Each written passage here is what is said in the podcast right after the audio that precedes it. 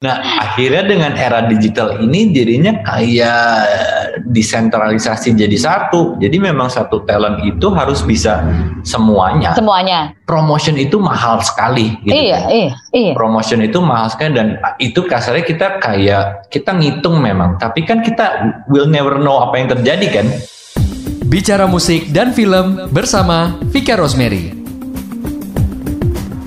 Apa kabar teman bicara? Senang sekali saya Vika Rosemary dapat kembali lagi di podcast seri Bicara. Setelah di musim-musim sebelumnya, kita banyak bicara seputar media, di Bicara Media, lalu mengupas pandemi di Bicara Pandemi, dan kali ini di bulan Maret ini, uh, kita khusus membahas musik dan film di Bicara Musik dan Film. Dan tentunya di setiap episode saya akan kedatangan teman-teman hebat yang punya banyak karya di bidang musik maupun film. Kalau di episode sebelumnya kita bicara musik bersama Nino Kayam, kemudian juga uh, setelah itu sama Mas Andi Rianto. Sekarang kita akan lebih banyak ngobrol tentang industrinya. Saya sudah uh, bersama dengan seorang yang sudah lama sekali tidak bertemu. Dulu pertama kali saya bertemu dengan beliau ini waktu saya masih bekerja di Singapura, ya. Beliau adalah uh, jadi gini, kalau legend ketemu legend, anak-anaknya jadi seperti ini. Jadi uh, ayahanda, ayahnya uh, tamu saya ini adalah seorang legend di dunia radio di Bandung. Ibunya juga legend, penyanyi yang legendaris lah di Indonesia. Kemudian anak-anaknya jadi musisi luar biasa. Saya uh, saya pertama kali kenalan di Singapura waktu itu mereka sedang mempromosikan albumnya di sana waktu saya kerja di radio di sana. Setelah itu saya nggak pernah ketemu lagi sampai sekarang. Dan sekarang saya dengar kabar kalau tamu saya ini kerja di sebuah uh, recording company uh, yang memproduksi artis-artis atau musisi Indonesia muda. Uh, dan recording company-nya ini bukan mainstream sebenarnya. Menarik kan? Makanya kita akan berbicara lebih jauh di Bicara Musik kali ini bersama Mahavira Wisnu Wardana atau akrab dipanggil Inu. Yeay. Yeah. Halo Mbak Tika, terima kasih atas intronya yang sangat informatif ya. Informatif, komprehensif. Komprehensif. Siap, apa kabar Mbak Tika? Kabar baik. Inu apa kabar, Nu?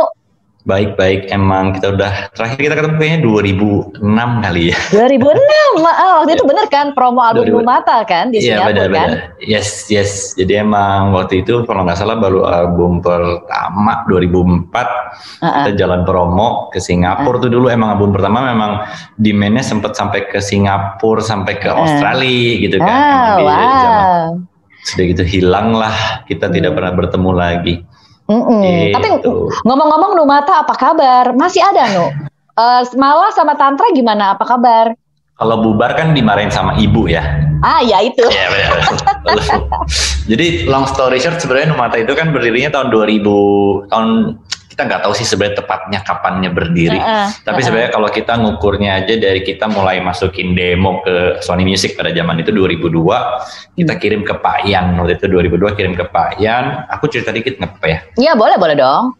Akhirnya kita desain 2004 sama Sony Music, rilis album pertama 2004, album kedua 2007, album ketiga 2009. Hmm. Jadi kalau dihitung sampai hari ini bandnya udah 17 tahun sebenarnya. 17. Hmm. Ya. Nah, oh, cuma wow. memang okay. tadi benar kayak intronya Mbak Vika tadi uh, orang tuaku kan memang almarhum ayahku di radio dulu memang dia salah satu pendiri radio di Bandung lah pada era 70-an gitu kan era 70-an uh, terus ibuku Teti Kadi itu penyanyi era tahun 60 sampai 70 74 dia resign lah kasarnya kita sampai memang memang kayaknya benar itu udah sangat melekat banget sama keluarga kita. Akhirnya memang perjalanan kita tuh jatuhnya tidak berhenti sampai di pemain band aja sebenarnya Mbak Tika. Hmm. Di 2009 2009 apa 2010 kita mulai me, melebarkan sayap lah. Waktu itu aku malah Tantra mulai melebarkan sayap jadi produser. Jadi okay. produser untuk beberapa nama-nama artis. Kayak waktu itu kita sempat uh, aku sempat produce Afgan Rosa, malah juga sempat Afgan Rosa waktu itu uh, akhirnya malah sama Tantra bikin satu project yang lumayan meledak lah pada uh, eranya itu bikin album anaknya Naura. Ya, Naura ya. Jadi memang sepertinya kita menemukan fase berikutnya di dalam musik nih. Kalau dulu kan waktu kita masih ABG gitu kan kita emang pengennya jadi pemain band lah kasarnya kita pengen Ah. jadi pemain band kita pengen ngeband ngeband manggung di berbagai kota tapi dengan bertambahnya usia gimana caranya kita biar tetap eh, berada terus di jalur musik akhirnya kita coba ekspansi nih ke dunia produser gitu kan Hmm, kita hmm. ekspansi dan du- 2014 akhirnya aku jadi karyawannya Sony Music sebagai Hmm. A&R di situ. Jadi Hmm. uh, di situ aku enam tahun, enam tahun jadi A&R. Jatuhnya aku tuh jadi kayak Pak Yan yang zaman dulu aku masukin Mm-mm. demo. gitu. Hmm, hmm, Dan hmm. juga akhirnya diikuti sama Mala. Mala akhirnya jadi A&R di uh, Trinity Hmm. gitu. Jadi jadi memang sekarang kondisinya kita sedang kita adalah orang-orang di balik layar eh, industri musik Indonesia. Ah, oke. Gitu. Jadi kalau mau dibilang bubar, kita juga nggak pernah ada statement buat bubar gitu. Tapi memang di 2009 eh 2010 itu kita sempat menyatakan bahwa udah deh kita vakum dulu ya gitu sebagai Hmm. bandnya gitu. Hmm. Kalau mau dilihat kita masih eksis eksis apa enggak 2016 tuh kita sempat mbak kita sempat eh, berupaya mencoba mengeluarkan eh, the best of Numata Mata. sebenarnya. Hmm, hmm. Jadi waktu itu kita ngeluarin tapi formatnya pengennya kita lagu-lagu yang kita produserin yang kita ciptakan buat orang lain kita rekam ulang Hmm. gitu. Oke. Memang. Tapi memang pada dasarnya udah eh, ini ya, udah dari keluarga gitu kan. Jadi jadi karena mungkin kita beda kali ya. Maksudnya kita dulu kan terbiasa, kita kan band of brothers lah kasarnya gitu Iya, kan. iya, iya, iya, iya. Kita terbiasa apa-apa kalau misalnya mau bikin lagu tinggal ngetok dulu kan kita mau rekaman ya kan kita mau manggung tuh jalannya satu mobil gitu kan band hemat budget lah gitu. ternyata apa waktu kita tiga-tiganya udah punya keluarga masing-masing untuk ketemu untuk workshop itu ternyata kita kayak Susah oh, ya. susah ternyata Eh, ini eh. ternyata ini yang dirasakan oleh band-band pada umumnya gitu kayak oh Hmm. emang dulu kita kan memang satu atap gitu sekarang kan kita udah Hmm. eh, tiga-tiganya udah pisah kan jadi buat Hmm. ketemu memang emang susah banget mbak makanya dari situ kita memutuskan ya udahlah gitu kita kita di balik layar aja gitu kan mungkin someday kita akan ketemuan untuk reuni sebagai band gitu tapi kalau misalnya Hmm. kalau bilang kita masih ketemu ya kita masih ketemu Kita Masih ketemu. Oke. Namanya juga saudara, masa nggak ketemu kan? bener kalau bubar dimarahin ibu Teti ya nggak boleh, itu nggak boleh. Nah, eh, artinya sekarang eh, Ibnu itu lebih apa ya namanya ya? Eh, kayak semacam talent scouting, mencari ya ya bibit-bibit baru gitu ya, Yes. anak-anak muda talented di dunia musik gitu ya. Eh, kemudian diproduseri. Tapi sekarang kalau nggak salah eh, ini nih ada label sendi- label sendiri ya, Wonderland. Ya, Wonderland Records. Records. Jadi sebenarnya ya memang memang apa ya? Eh, ini sih dari dari jam terbang si Mbak Vika. Jadi Hmm. eh, dulu 2014 aku join di Sony itu eh, apa title aku tuh sebagai A&R, A&R which is artinya artist and repertoire. Mm-mm. Sesimpel sesimpel apa sih functionnya? Gitu functionnya adalah eh, scouting artist, Mm. develop artist to the market. Hmm. Sebenarnya Ya. gitu. Intinya Ya. intinya di situlah kalau cerita sedikit tentang dulu aku di Sony jadi memang aku waktu itu eh, ada artis-artis yang di bawah tahunnya aku gitu eranya aku lah. Mm. ada yang namanya Isyana Sarasvati ada yang namanya GAC ada yang namanya Dio Fortunes ada yang namanya Randy Pandugo ada yang namanya Ardito Pramono gitu. Jadi memang eh, di situ jatuhnya kayak aku sebenarnya sekolah lah. Sekolah how to develop eh, talent sebenarnya. Hmm. jadi memang memang tugas aku aku scouting artis eh, aku punya vision apa vision itu yang coba aku eh, apa namanya kasih lah ke divisi-divisi terkait gitu kan Ya.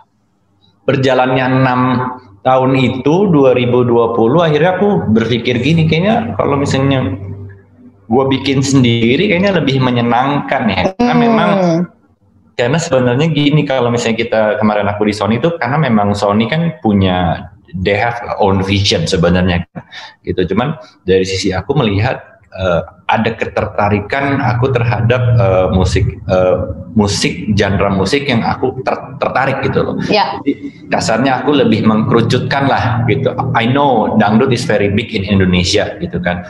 Uh, I know hip hop uh, also big in uh, states gitu. Jadi tapi aku ngerasa bahwa itu bukan expertise aku gitu. Jadi memang uh, aku lebih ngerucut bahwa oke deh kayaknya urban music ini lebih lebih cocok. Karena mungkin dulu aku terbiasa denger denger lagu-lagu ya. Dari kecil kan memang keluarganya musik gitu. Memang sama sama ibuku juga dicekokin musik-musik terus kan gitu. Jadi memang kayaknya memang itulah kesenangan aku yang akhirnya aku saring kayaknya ini deh yang yang aku bisa secara secara expert gitu loh hmm. akhirnya visi aku aku pengen bikin sebenarnya visinya aku bikin label sendiri adalah karena aku melihat sekarang eranya di digital yeah. opportunity semakin lebar kayak dulu kan yeah.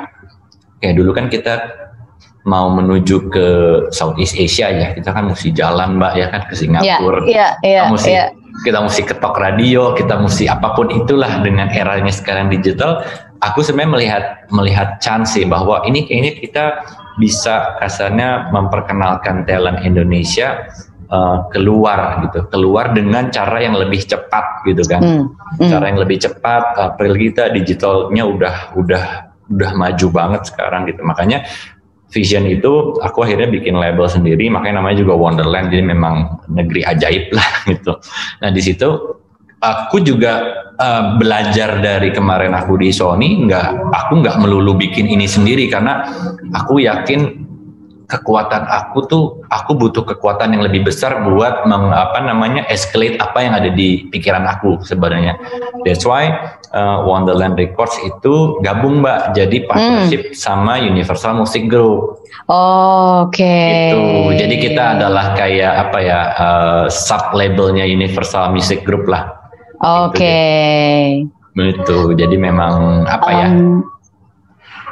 Memang kita butuh mereka secara secara uh, mereka kan big three company in the world gitu kan, yeah, the biggest yes. three gitu. Jadi yeah, memang yeah, yeah. Uh, aku juga nggak nggak seidealis itu kayak oke okay, gue mau bikin sendiri nggak gitu. Jadi oke okay, we have to uh, kita harus punya compromise partner. Oh, yes, partnering, yeah. yep. Yeah. Jadi ini, jadi ini statusnya apa? Bukan indie label berarti ya, ya? Oke, jadi ini mungkin salah satu yang jadi pertama kali ya di Indonesia. Jadi kita uh, indie dan major. jadi okay. emang uh, secara secara kreatifnya kita lebih independen. Okay. gitu jadi memang uh, apa namanya aku memang kebanyakan yang aku sign kebetulan sekarang ada dua ada Randy Pandugo sama Mika Angelo mm -mm. jadi memang aku rilis mereka itu pakai bahasa Inggris kenapa karena memang okay. uh, eh, karena memang tujuan kita kita mau memperkenalkan uh, talent Indonesia ke dunia keluar luar. Yes, gitu kan karena memang menurut aku secara secara pemikiran aku nih ya memang paling gampang memperkenalkan dengan pakai lagu bahasa Inggris dulu gitu. Aku yeah. tahu nih nanti nanti akan banyak insight-insight kenapa lu tidak memperkenalkan kebudayaan Indonesia dan segala enggak tapi aku lebih di simplify lagi ya udah gue mau ngenalin talentnya dulu aja bahwa eh there's a hidden gem nih di Indonesia hmm. yang sebenarnya kualitinya bisa di bisa di apa ya bisa disandingkan lah dengan musisi-musisi di luar gitu apalagi hmm. dengan kita lihat ada Rich Brian sama Nicky yang kasarnya udah bisa mendunia maksud aku kayak mungkin di di luar lebih bisa melek kali ya terhadap talent hmm. Indonesia itu makanya okay. itu visionnya sih sebenarnya Oke, okay. uh, eh, kalau secara kalau secara uh, genre musik ya, yang dipilih oleh Wonderland itu ada yang lebih khusus lagi atau apa aja? Boleh. Seben, sebenarnya kalau boleh dibilang sih apa ya secara universalnya sih kita pop sebenarnya pop, pop urban sebenarnya jadi hmm, memang pop urban, okay. uh, eh, apa ya kita mencoba ada di algoritma musik dunia yang ya gimana caranya kita keep up ada di sana gitu hmm. sebenarnya sih hmm. tapi memang kayak de, kalau dari situ mau kita kerucutin lagi memang bisa lebih spesifik let's say misalnya Randy Pandugo itu yang kental dengan folknya gitu yeah. kan. Yeah. Ya kan kalau Mika tuh sebenarnya kita lagi profiling dia buat tadinya kan dia sama Overtunes kan akustik banget gitu kan. Mm -mm, mm -mm. Cuman sekarang dia as a solo artisnya tuh dia lebih kayak uh, tidak menggunakan instrumen yang organik gitu. Jadi men, dia lebih kasarnya kayak MIDI lah, MIDI sound. Oh, Jadi memang oh, elektronik. Elektronik sound lah gitu. Tapi hmm. basically sebenarnya kalau mau dibilang ya ya kita kalau bahasa sekarangnya indie pop gitu lah mbak. Oke, okay, indie pop. Oke, okay. oke, okay, indie pop. Nah, ini ini menarik nih karena tadinya info yang uh, saya dapatkan dari uh, Mas Budi yang kita kenal itu Wonderland Records itu adalah uh, indie label, tapi ternyata ini gabungan antara indie dan major. Dan ini pertama ya. di Indonesia, gitu ya? Ya, jadi ini pertama aku cerita dikit kali ya Mbak Vika ya. Nah, ceritanya nanti dulu. Karena okay. kita mau break dulu sekarang ya. Jadi uh, teman-teman di teman bicara ya, uh, ada pasti juga penasaran gimana ceritanya Wonderland Records ini kemudian berpartner dengan major label. Tadinya saya pikir indie. Apa yang ada di baliknya dan kira-kira kompromi apa yang terjadi? Jangan ke mana-mana. Uh, Inu akan menjawab setelah yang berikut ini tetap di Bicara Musik. Kembali lagi di Bicara Musik masih bersama saya Vika Rosemary yang ditemani oleh Mahavira Wisnuwardana atau Inu. Kalau misalnya di antara Anda pernah mendengar nama band Numata, dulu Inu ada di Numata jadi drummer ya Nu ya? Iya benar. Drummer pindah nah. sempat jadi gitaris. Oh, drummer Karena gitaris. dulu karena dulu estetiknya katanya kurang bagus kalau Nyebelin ya. Tapi sebenarnya dari kira-kira udah hampir uh, hampir 10 tahun ya berarti ya. Uh, ya. 10 tahun udah hampir ya. Uh, Inu ini lebih banyak di belakang layar sekarang, uh, talent scouting, musisi-musisi baru sampai akhirnya sekarang ad, mendirikan Wonderland Records yang tadinya saya pikir adalah ini tapi dari cerita Inu tadi ini sudah berpartner dengan major label dan ini ya. adalah pertama di Indonesia. Bisa cerita lebih dalam soal Wonderland? Yes, jadi sebenarnya ceritanya gini. Jadi memang uh, aku melihat future business, future music business itu di 2017 2018. Jadi memang hmm. aku ngeliatnya gini sih, Mbak Vika. Mm -mm. Di luar negeri ini ternyata banyak sekali banyak sekali artis-artis yang uh, let's say kita ngomong waktu itu ada Billie Eilish gitu kan. Ya ya kan Billie Eilish kayak dia itu emang suddenly tiba-tiba dia dari sendiri sendiri tiba-tiba boom gitu kan. Boom, iya, iya, nah, iya. Jadi memang aku melihat kayaknya ini secara secara bisnisnya udah nggak nggak kayak dulu nih. Dulu kan hmm. kalau musisi dia pengen jadi uh, artis gitu kan, dia akan kirim demo, dia akan cari label sebenarnya. Dari label dia akan uh, rilis lagunya habis itu jadi gede kasarnya begitu. Ya, ya. Tapi dengan eranya digital balik lagi sekarang, si musisi ini bisa directed si digital sebenarnya, gitu.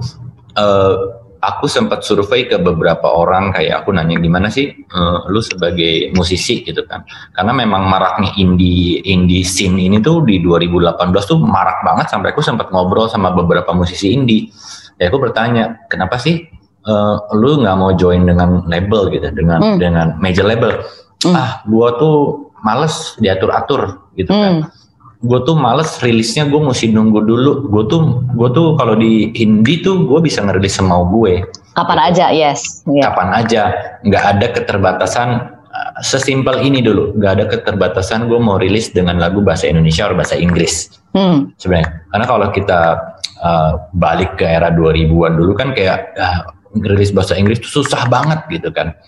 Susah banget marketnya. Cuman kan sekarang kita udah bisa membuat market kita sendiri kan gitu. Dan memang um, kalau kita lihat di DSP uh, DSP di digital digital platform itu memang mereka tuh sudah mengklasifikasikan genre-genre itu kan. Oh, jadi okay. memang jadi memang kasarnya kalau sekarang kalau dulu lah kita lihat Peter Pan begitu dia terkenal kan dia terkenal memang di di all uh, segmen sebenarnya kan tapi sekarang kalau kita lihat sekarang, siapa sih musisi yang bisa sama seperti uh, populernya seperti kayak uh, Peter Pan pada zaman itu. Kalau kita lihat misalnya di Indonesia sekarang streaming anak independen yang paling tinggi adalah Pamungkas. Oh, Oke. Okay. Tapi tapi kalau kita tanya nih, misalnya aku tanya sama sama ibuku, bu tahu Pamungkas nggak? Nggak tahu. Tanya sama aku aja. Jangan ya sama kan? ibu. Aku pun nggak tahu. ya, tapi the the real datanya menunjukkan bahwa Pamungkas is number one Iya. Uh, independent artis. Iya, memang ternyata ah. ternyata industrinya sudah berubah. Jadi memang mereka punya kasarnya mereka punya rajanya di klasternya masing-masing lah.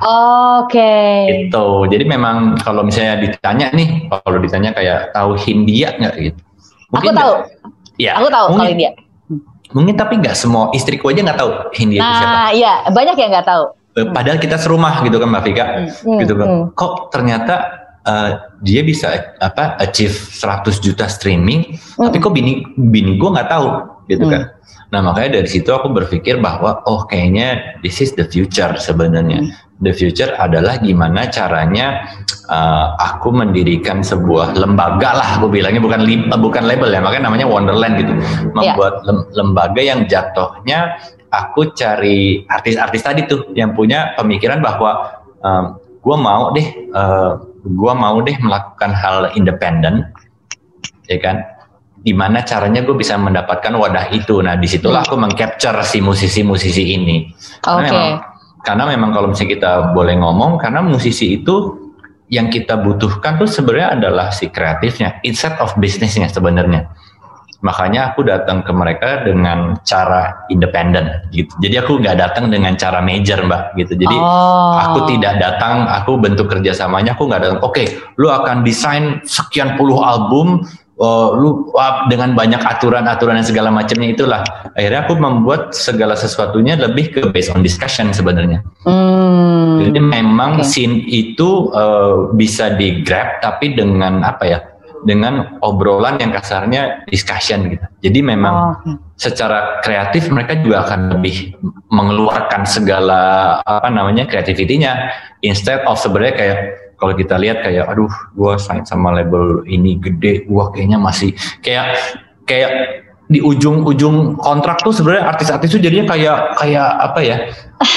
kayak ngegrundel gitu loh Iya iya ya? iya iya iya benar benar benar. Kira-kira karya gue bisa di ini kak, ntar gue dibatasin ini itu gitu kan? Nah, ah, nah aku sekarang datangnya itu dengan ya udah lu mau apa gue coba provide gitu Hmm, hmm. Jadi memang apa ya? Aku selalu bilang sama sama artis-artis yang aku sign adalah gua Hmm. itu bukan seseorang yang mau uh, mengarahkan lu di industri ini.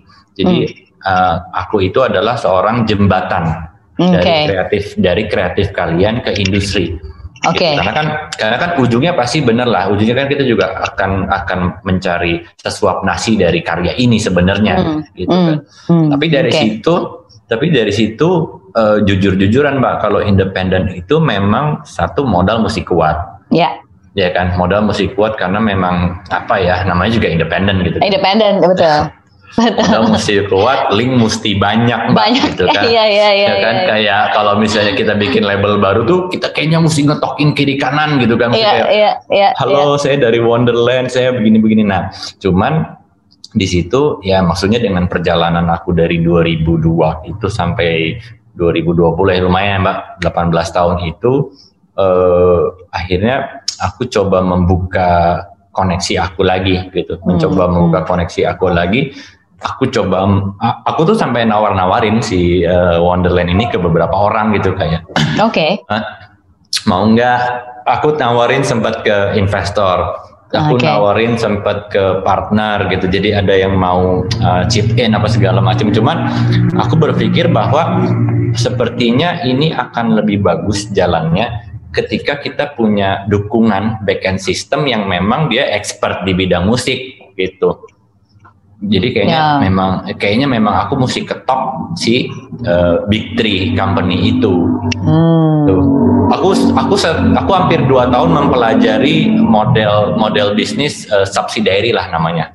Subsidiary. Oh, namanya subsidiary. Oke. Subsidiary company karena sebenarnya kalau kita lihat nih Mbak, kalau kita lihat di US itu mereka udah melakukan hal ini dari 1970 sebenarnya. Oh, oke. Ya kayak contohnya RCA, eh, Columbia, eh, apa Def Jam dan segala macam tuh sebenarnya itu label punya lokal, tapi akhirnya mereka bekerja sama dengan the big three itu. Nah itu yang coba aku Hmm. itu yang coba aku sampaikan ke si eh, waktu itu partnerku kan Universal aku sampaikan Hmm. gitu eh gue punya nih label ini gue lebih ngerucut sih jadi memang Hmm. kasarnya gini Hmm. eh, up- output yang keluar dari label gue ini akan begini nih bentuknya. Jadi bukan Oke. campur sari gitu. Oke. jadi secara PNL secara budgeting secara streaming udah bisa ketaker gitu. Udah bisa ketaker berapa. Dan memang aku melihatnya in the future juga akan begitu. Jadi nanti mbak kalau aku lihat nih kalau aku mulai eh, menduga-duga the uh, future bisnisnya mungkin nanti akan ada label dangdut sendiri. Yang memang mereka fokus on dangdut label Hmm. hip hop sendiri fokus on Hmm. hip hop Hmm. yang kayak gitu gitulah nah Hmm. baru dari situ memang akan di hub ke satu satu label which is sebenarnya kayak si Sony Kayak payungnya gitu ya. Oh, Yes. oke.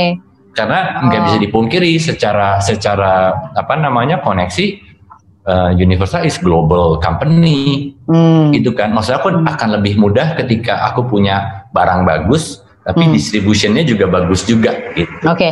jadi uh, major label ini ya melakukan apa? Maksudnya uh, uh, partneringnya itu ya. apa gitu dari segi apa? Jadi sebenarnya kalau tadi dibilang aku indie major, sebenarnya kalau mau dibilang major banget juga enggak. Hmm. Jadi memang kreativitinya semua pokoknya creativity, plan, strategic marketing itu tetap dari Wonderland. Wonderland, oke. Okay. Hmm. Nah dari situ si apa namanya si plan uh, strategik, si lagu, si video klip, si apa pun lah mbak gitu. Itu yang kita deliver ke si Universal as a partner. Eh, gue mau rilis tahun ini A B C D E F G gitu kan. Mm. Mm. Jadi memang dari situ mereka yang akan kasarnya gini, mereka yang mengoptimize semua itu oh. uh, jadi lebih dengan uh, link yang mereka punya gitu. Oh, Oke. Okay. Jadi intinya sebenarnya sih cuman di situ sih Mbak apa uh, aku butuh si universalnya tuh as a partner di back end sistemnya gitu. Jadi kan, let's say misalnya gini Mbak, kayak kita ke uh, radio nih misalnya. Mm, mm. Aku aku uh, Wonderland Indie gitu kan. Mm. Untuk masuk ke radio tuh mungkin aku masuk ke antrian 100 kali. Oke. Okay. Tapi dengan aku punya partner si Universal mungkin Universal. bisa ke ketiga kali ya, ketiga apa hmm. keempat gitu. Eh ini Randy karena itu juga bisa diklaim sebagai artisnya Universal. Artisnya Universal. Oh, iya. oke. Okay. Jadi kan oh. sebenarnya sama aja, cuman sebenarnya uh, apa ya secara mappingnya aja sih yang berbeda gitu. Hmm, oke. Okay. Nah, um, ada dua artis yang sekarang di manage oleh Wonderland. Yeah. Ya. Uh, waktu memilih artisnya ini uh, seleksi apa yang dilakukan atau ada kriteria apa yang tertentu dilakukan oleh Wonderland untuk memilih artis? Kriterianya sebenarnya jadi kalau secara kriteria sesimpel ini sih kita mau punya own character sebenarnya. Hmm. Gimana caranya kita punya si artis itu punya karakter yang kuat adalah dia dia menciptakan lagunya sendiri. Hmm.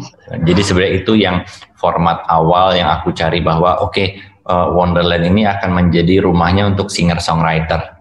Hmm. Itu jadi memang apa ya uh, sama dia fluent sih dia fluent di bahasa Inggris. Bahasa gitu. Inggris. Karena buat, oh, karena buat okay. apa? Karena sebenarnya memang visionnya aku tuh nggak muluk-muluk mbak gitu, nggak muluk-muluk untuk sampai ke Amerika karena itu susah banget kan. Tapi at least sebenarnya Asia aja Asia hmm. kita bisa mendapatkan mendapatkan atensi lah dari dari marketnya di Asia.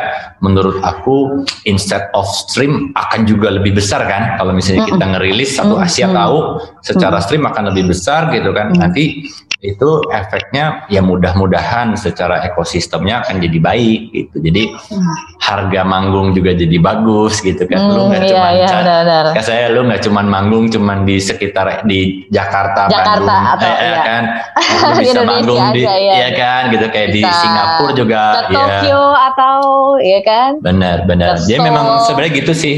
Jadi memang aku melihatnya karena kayaknya ada harapan. Sebenarnya sejujur-jujurnya aku melihat dari uh, Rich Brian sama Nicky itu hmm. kayaknya ada harapan nih untuk Indonesia untuk dilihat gitu. Karena kan kalau zaman dulu kan kayak susah banget kan Mbak. Gitu. Kita hmm. susah banget buat memperkenalkan talent Indonesia keluar. Gitu. Nah sekarang hmm. mungkin dengan adanya si Rich Brian dan Nicky itu, ya mungkin negara tetangga juga melihat, eh kayaknya Indonesia tuh potensinya besar gitu. Hmm. Hmm. Nah makanya aku, okay. ya makanya aku dealnya kemarin sama Universal Music Group Southeast Asia, Mbak. Oh, oke, okay. Southeast Asia ya. Hmm. Nah, uh, sekarang ini talent scouting musisi-musisi itu susah apa enggak sih? Kalau gue ya lihat hmm. sekarang kan digital tuh udah luar biasa. Artinya ini kalau misalnya ada musisi yang talented gitu dia masukin aja video klipnya atau dia nyanyi di YouTube terus ditonton sekian banyak orang dan segala macam. Itu jadi kayak memudahkan gak sih uh, label ini untuk mencari uh, bibit-bibit baru? Mudah-mudah enggak kalau mau jujur. Okay. Karena sekarang karena kalau zaman aku dulu misalnya di 2016 gitu, aku cari hmm. waktu itu Randy Pandugo, aku scouting hmm. dia dari SoundCloud mbak gitu kan. Hmm. hmm. Oke. Okay. Dari SoundCloud aku ketemu dia di cafe, hmm. aku cukup menawarkan, lu mau nggak deal sama label gitu kan? Hmm. Ini offernya segini segini segini, oke okay, gue mau gitu kan. Hmm. Karena informasi yang yang dia ketahui tentang how to release the single itu tidak sebanyak sekarang gitu. Hmm. Kalau sekarang jatuhnya aku mesti bargain. Jadi okay. saya, ini di Instagram dia lagi lagi viral gitu ya, lagi ngetop. Aku kontak belum tentu dia mau sekarang mbak. Jadi okay. kayak um, oke, okay, gue punya uh, viewers satu juta, dua juta, lo mau kasih gue apa? Apa? Gitu. Iya, iya, iya itu. Jadi memang agak tricky nih sekarang kayak oke, okay, jadi memang aku perlu uh, untuk pendekatannya aku perlu ngasih dia visionnya sebenarnya sebenarnya jangka panjangnya sih mbak gitu karena hmm. memang memang sebenarnya si uh, apa talent talent zaman sekarang ini yang mereka tahu ya mereka tahu saat itu sebenarnya gitu. Hmm. cuman aku harus datang gimana caranya buat kasih tahu oke okay, lu akan bagaimana nih di lima tahun lagi di 10 tahun lagi? Gitu. Jadi hmm. memang memang jatuhnya sekarang aku kayak kayak ngasihin webinar kalau mau ngesain artis. Gitu ya? Iya karena memang karena memang apa ya kalau yang mereka ketahui aku nggak nyalahin uh, generasi sekarang, tapi yang mereka ketahui adalah semudah itu sebenarnya untuk merilis sebuah lagu gitu kan. Uh, tapi iya. kan kayak kita kan eh, sebenarnya eranya ada irisannya nih mbak ya. Iya iya iya. Nah itu mungkin yang sekarang yang bisa aku kasih tahu ke musisi-musisi zaman sekarang. Oke, okay, emang gampang ngerilis satu lagu, let's say. Tapi yang paling susah adalah lu memaintain uh, karir lu di musik itu. Hmm. Itu yang butuh biaya, itu yang cost dan segala macam. Jadi makanya hmm. uh, yang makanya yang bertahan sebenarnya yang bisa memang memaintain itu. Kalau one hit wonder kan ya udah hilang aja gitu mbak. Habis satu lagu viral terus tiba-tiba hilang. Udah gitu hilang. Iya betul betul betul betul. Itu. nah ya itu. Nah itu tadi yang kepikiran juga sama gue karena anak-anak sekarang kayak uh, ngapain ya gue sign uh, kontrak sama uh, recording company. Kalau misalnya gue bisa masukin aja video klip di YouTube, terus viewersnya sekian banyak, subscribers sekian banyak gitu, masukin hmm. di SoundCloud dan segala macam. Uh, cuman ya itu mereka harus diedukasi bahwa ini kita nggak bicara mengenai jangka pendek, uh, ya, kita bicara soal jangka panjang gitu. Bagaimana karir musik lo bisa bertahan sekian tahun gitu kan? Tapi untungnya si Mika sama si Randy itu adalah musisi yang kalau aku boleh bilang dia adalah musisi yang mengerti porsinya Hmm. Jadi memang kenapa mereka mau sign sama Wonderland? Jadi memang dari sisinya mereka juga mereka bilang kayak kayaknya gue butuh seseorang yang bisa memanage uh, bisnisnya, hmm. gitu, memanage uh, kasarnya intinya si artis si Mika dan si Randy itu cukup untuk membuat karya sebenarnya. Mereka okay. ngerti tuh batasan gue sampai di sini nih gitu. Hmm. Karena mereka mungkin udah ngalamin kali ya kayak once mereka lagi naik pasti apa yang yang detail-detail kecil-kecil tuh jadi nggak kepegang gitu. Oh, Oke. Okay. makanya memang uh, itulah pendekatan aku kepada artis-artis yang mau aku sign gitu. Oke. Okay, okay. Jadi memang aku jadi aku konsepnya aku bukan kalau dari sisi Wonderland aku nggak bukan yang viral aku sign gitu loh. Jadi aku lebih ngelihat karena aku mau nge-build long last sih sebenarnya untuk si hmm. artis-artisnya Wonderland. Aku harapannya tuh sebenarnya dengan aku mendirikan Wonderland ini kasarnya aku sama artis tuh biar partner. Hmm. Gitu. Posisinya jadi sejajar ya? Iya gitu. Jadi mereka mau apa? Oke, mungkin kita bisa maintain ini mungkin ke 25 tahun ke depan kali Mbak. Karena memang susah kan ini pasti akan terus berganti kan industrinya iya, akan iya. terus berganti kalau misalnya Trendnya kita berubah iya betul mm -mm makanya aku memposisikan ya udah lu mau nggak gini lu jadi kita as a partner lah lu mau apa juga kasih tahu ke kita jangan melulu dari kita yang minta gitu Hmm, oke. Okay. Gitu. Nah, uh, apa tantangannya sekarang ya uh, mencari uh, apa namanya mencari talent di uh, era digital. selain itu tadi, selain kita bicara bahwa mereka uh, ngapain gue sign sama ini, gue udah yeah, bisa gitu ya. Selain itu apa? Tantangannya kita dulu kalau aku lihat sign artis pasti aku nonton at least dia main di cafe lah mbak. Nah ya ya. Ya kan? Dia dia manggung kita tahu lah gitu kayak secara musikalitas gitu. Nah sekarang agak tricky nih. Hmm. udah masuknya ke digital apa bener gitu ya? Hmm. apa bener dia udah nggak melalui proses editing gitu kan? Ah suaranya tuh nggak musiknya tuh dia kompos sendiri apa enggak gitu kan ya? Iya, karena kan udah pinter banget mbak gitu. Iya, oh iya, ya, iya. Di di di laptop juga udah softwarenya. Dulu iya. kan kita kayak mau rekaman kayak susah banget kan gitu. Iya. Kita mesti jalan ke studio. Kalau uh. falas kita mesti ngulang take gitu lagi, kan. take iya. lagi berapa kali gitu. sekarang tuh banyak yang ya kasarnya gini secara secara talent memang makin banyak yang bagus tapi uh, semakin banyak quote unquote yang jadinya kayak ya udah deh kalau falas sedikit gue bisa benerin gitu kan hmm, nah itu hmm. tantangannya begitu sih karena karena aku ada beberapa kasus pernah nemuin gitu mbak jadi hmm, memang hmm. Aku, aku udah suka nih sama sama karakternya gitu kan Hmm, hmm, sama hmm. si apa dia cara ngeproduksinya, cara isi isiannya gitu. Pas setelah aku ketemu ternyata main orang lain gitu. Hmm, hmm. Nah, itu kan yang agak sedikit wah uh, agak tricky nih kalau begini makanya memang itu tantangan terberat sih. tantangan terberat. Berarti emang harus ketemu orangnya, suruh dia main di depan lo kali nu ya. Iya benar benar benar benar. Tapi nanti alasannya lagi pandemik gitu kan kita kita lewat virtual aja deh gitu. Oke, okay.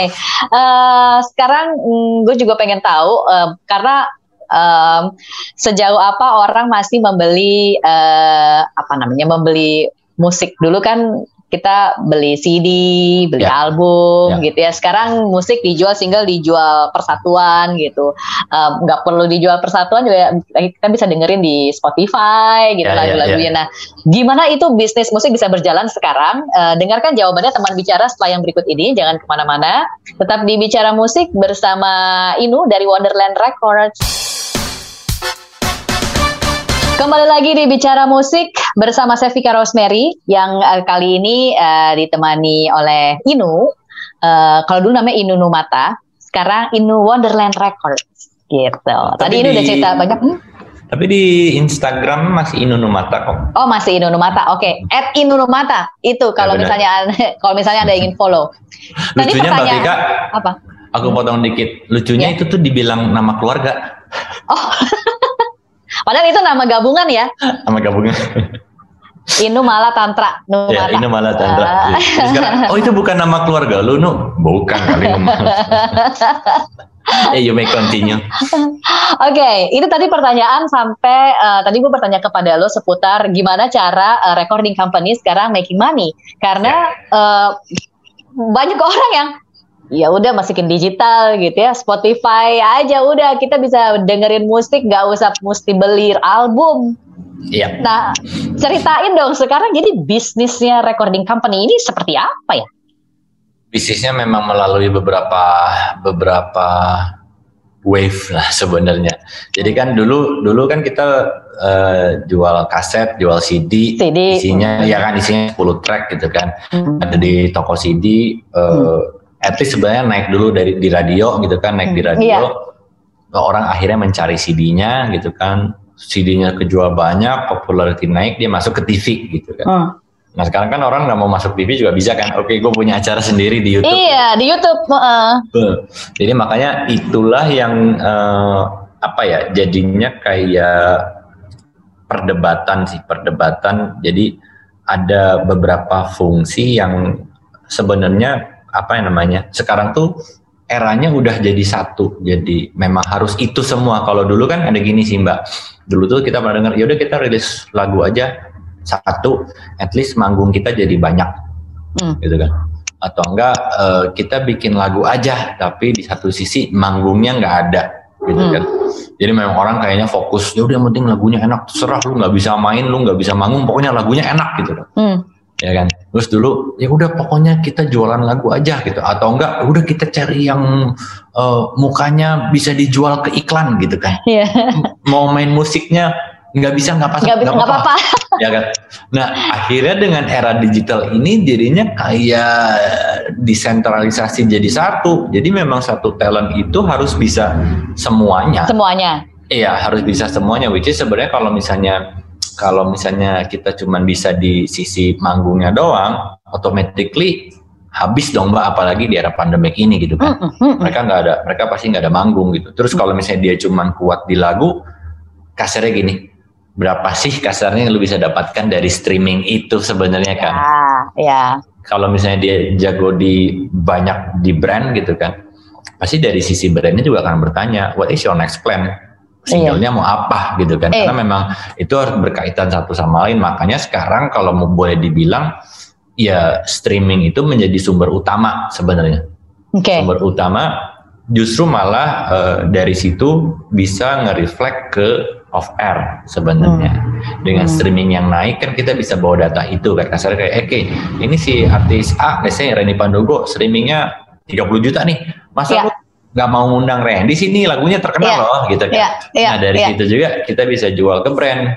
Lu mau nggak? Oh. This is something big in the future. Yeah. Itu jadi dari situ memang sebenarnya aku melihatnya uh, tetap si uangnya masuk dari tiga tiga keran itulah. Hmm. Yang pertama dari streaming, yang streaming, kedua dari off air, off air, yang ketiga dari brand. Kita nggak bisa oh, kita nggak bisa menghilangkan ketiga itu karena kasarnya once kalau kita dapat brand is a big money. Iya kan? Ta tapi ketiganya berkaitan dong ya Nuya. Artinya gini, uh, bagaimana cara lo memboosting streaming?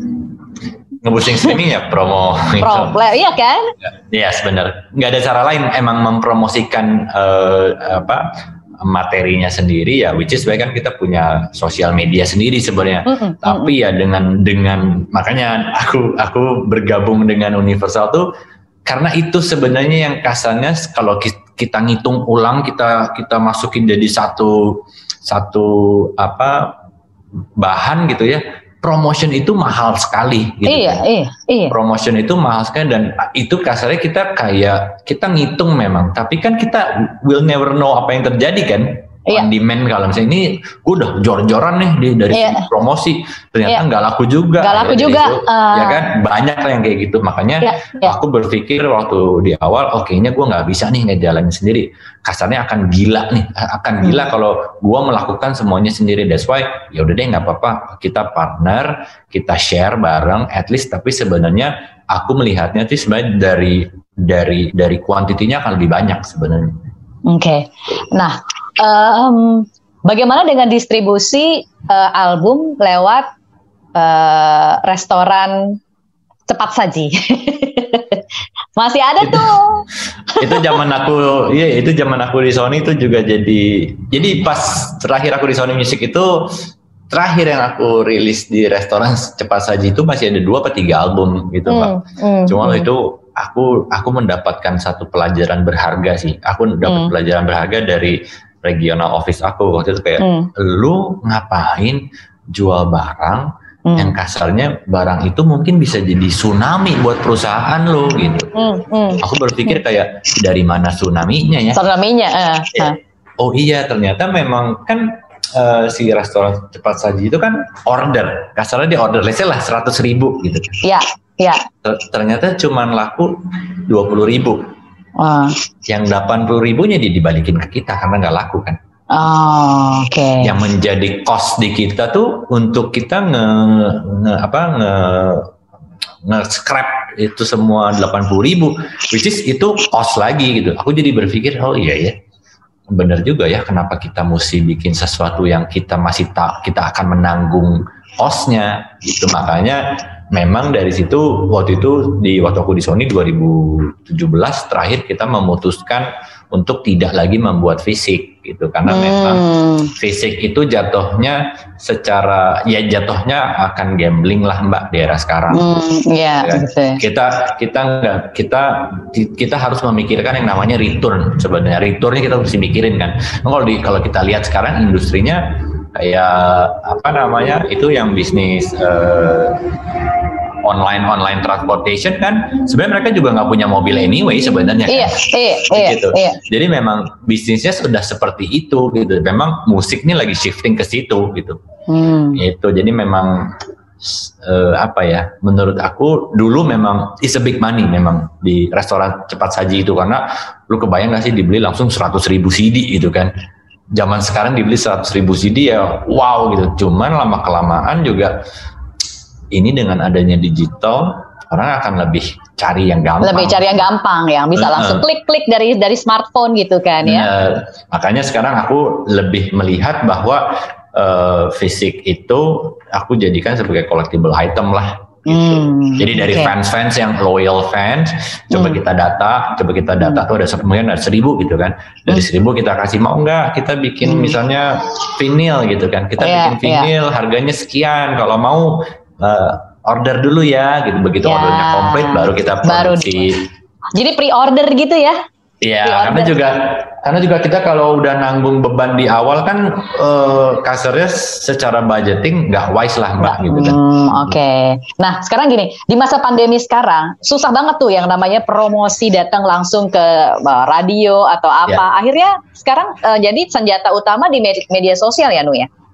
Nah ya, tetap jadi memang uh, kasarnya kalau yang dilakukan sama anak artis-artisnya Wonderland sendiri kita tidak hanya melulu tentang musik, Mbak. Okay. Gitu. Jadi kita menjadikan artis kita ini kasarnya in the future as an IP gitu. Jadi memang kayak Mika punya konten yang kasarnya kita bisa kita bisa menggali lagi nih apa sih sebenarnya kita buat uh, ngambil marketnya. Jadi kita nggak melulu, misalnya konten YouTube-nya nggak melulu tentang musik. Misalnya Mika hmm. suka bola, ya udah hmm. coba kita tap in dengan dengan scene-nya bola gitu kan kita tap in dengan scene-nya uh, Mika suka olahraga kita hmm. tap in ke sana jadi memang hmm. kita banyak membuat konten bukan kita uh, bikin konten yang sembarangan tapi memang hmm. konten yang kasarnya kita bisa nge-reach market baru oke okay. ya.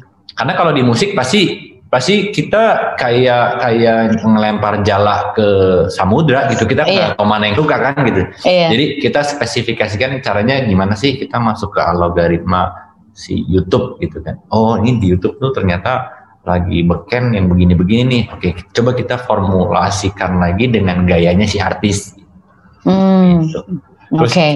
lebih asik sendiri aja mbak kemarin kayak Mika tuh kayak kita nggak bisa manggung nih gitu kan. Ya udah kita bikin konser sendiri aja. Jadi memang kita punya punya budget gitu kan. Kita punya budget marketing jadi kita bikin konser virtual sendiri. Virtual? Kita hmm. kita tayangin aja di YouTube kita sendiri itu maksudnya kayak hmm. memang kan kalau konten itu memang kasarnya ya at least adalah satu bulan dua kali tiga kali di YouTube gitu kan kasarnya. Jadi memang apa ya uh, dengan kita komit buat ada ada ada konten-konten yang dirilis itu mungkin ya pasti ada mbak satu dua orang yang setiap hari akan look up bahwa oh there's another uh, uh, a new song, a new talent gitu. Hmm, gitu Oke. Okay.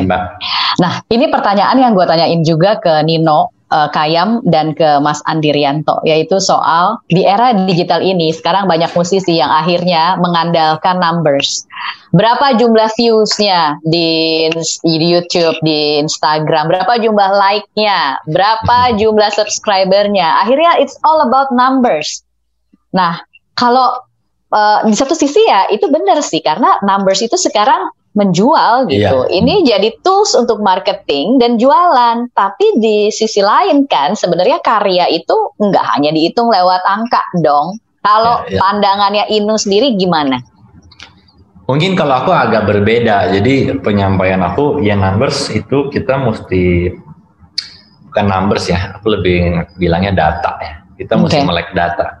Tapi kalau mau dibilang uh, karena aku basicnya sebenarnya musisi hmm. dulu mbak. Aku aku hmm. nyiptain lagu juga gitu. Hmm. Karena apa yang ada di pikiran aku ketika menciptakan lagu adalah we trust karya itu sebenarnya. Hmm. Hmm. Ya kan, boleh dibilang kalau boleh dibilang musisi itu menurut aku adalah gengnya vision visionary lah. Mereka memang membuat sesuatu yang mereka juga nggak tahu nih akan menghasilkan apa enggak gitu sebenarnya kan. Makanya memang eh, mungkin yang yang yang dimiliki kelebihannya oleh Wonderland adalah kita tuh setengah setengahnya memang melihat industri, tapi setengahnya kita kita believe sama karyanya sebenarnya. Oke. Okay. Jadi memang apa ya kita setengah-setengah lah gitu. Kalau bisa kita industri banget, mungkin kita nggak bisa di di di state sebagai uh, indie gitu ya mbak ya. Maksudnya kayak kita kan punya visinya kan gitu. Jadi memang kasarnya memang apa yang dikeluarkan dari Wonderland, aku sih punya prinsip bahwa udah deh pokoknya intinya yang dikeluarkan dari Wonderland tuh pokoknya akan akan sesuatu yang fresh gitu gitu jadi kalau misalnya sesuatu yang viral ya ya udah gitu kan itu bukan hmm. visinya iya iya iya itu ya, ya.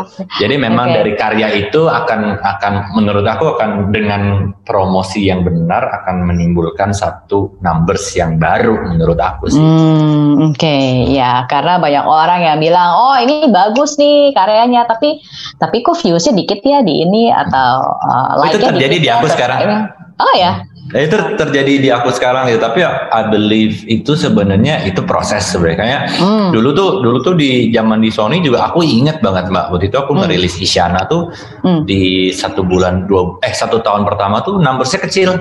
Oh, Oke. Okay. Gitu. Jadi memang uh, mungkin ada satu satu apa ya satu lagu satu momen yang ketemu pas aja gitu kan suddenly boom gitu di situ dan which is apa ya ya memang harus tepat waktu lah. Menurut aku memang semuanya kita harus menemukan satu buah rilisan itu ke waktu yang tepat. Waktu yang tepat dalam arti adalah ya mungkin memang orangnya lagi uh, culture-nya lagi lagi ke sana mungkin ke capture nah itu yang jadi numbers baru gitu. Karena hmm. aku aku melihatnya ini challenge sih buat buat uh, buat industri musik. Karena kalau misalnya kita nggak pernah ada sesuatu yang baru menurut aku musik Indonesia akan mundur hmm. makanya makanya uh, aku menggadang-gadang kayak Wonderland ini harus membuat sesuatu yang fresh terus aja ke depannya. Hmm, gitu. Hmm, oke, okay, oke. Okay. Tetap aja akan ada proses. Yes, benar. Gitu ya. Nah, um, dengan tren yang sekarang begitu cepat didukung dengan teknologi digital dan lain sebagainya, uh, tren di mana-mana berjalan dengan sangat cepat, termasuk tren di dunia musik gitu sekarang. Kalau dari pengamatannya Inu, sekarang tren apa yang sedang terjadi dan uh, kira-kira uh, dalam dalam dua tahun ke depan apa yang akan terjadi di industri musik Indonesia? Oke, okay. Tren bener sih seminggu sekali sekarang mbak. Wah gitu. seminggu sekali udah bukan yeah. setahun sekali ya seminggu sekali. seminggu sekali. Jadi kalau mau dilihat trennya kan kemarin uh, scene independen besar gitu kan, scene mm. independen mm. besar. Tapi kenapa besar? Karena memang secara festival banyak banget gitu. Betul. Nah sekarang justru kalau aku melihat malah uh, ini nih orang-orang yang the real musician akan akan bermunculan mbak. Karena apa yang bisa apa yang bisa membuat mereka bertahan kasarnya di era era era era pandemik inilah kasarnya quote unquote yang bisa bikin bertahan adalah ya karyanya.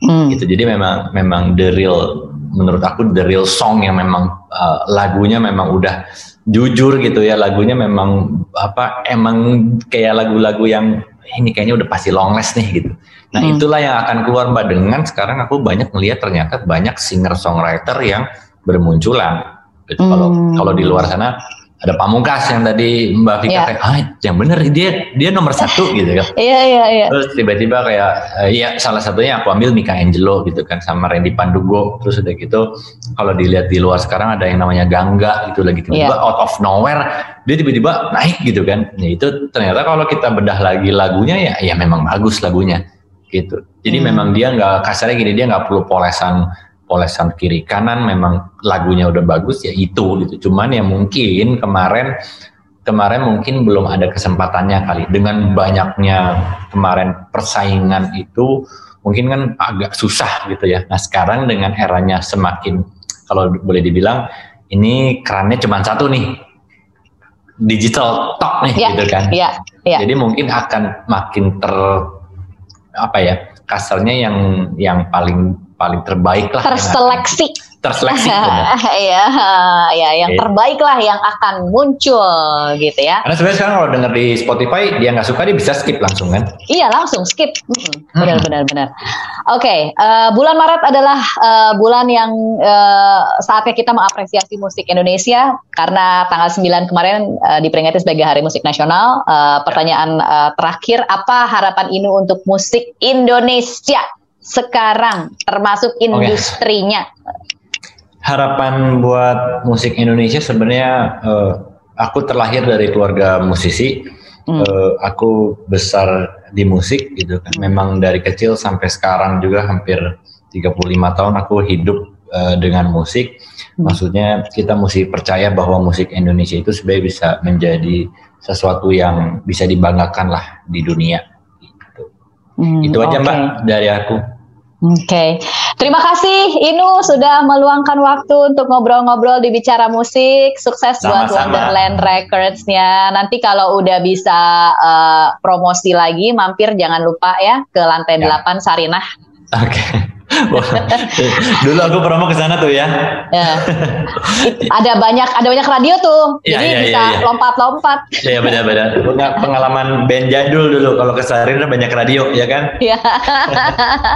Ini terima kasih ya. Sama-sama ya, terima kasih juga sukses Siap, ya.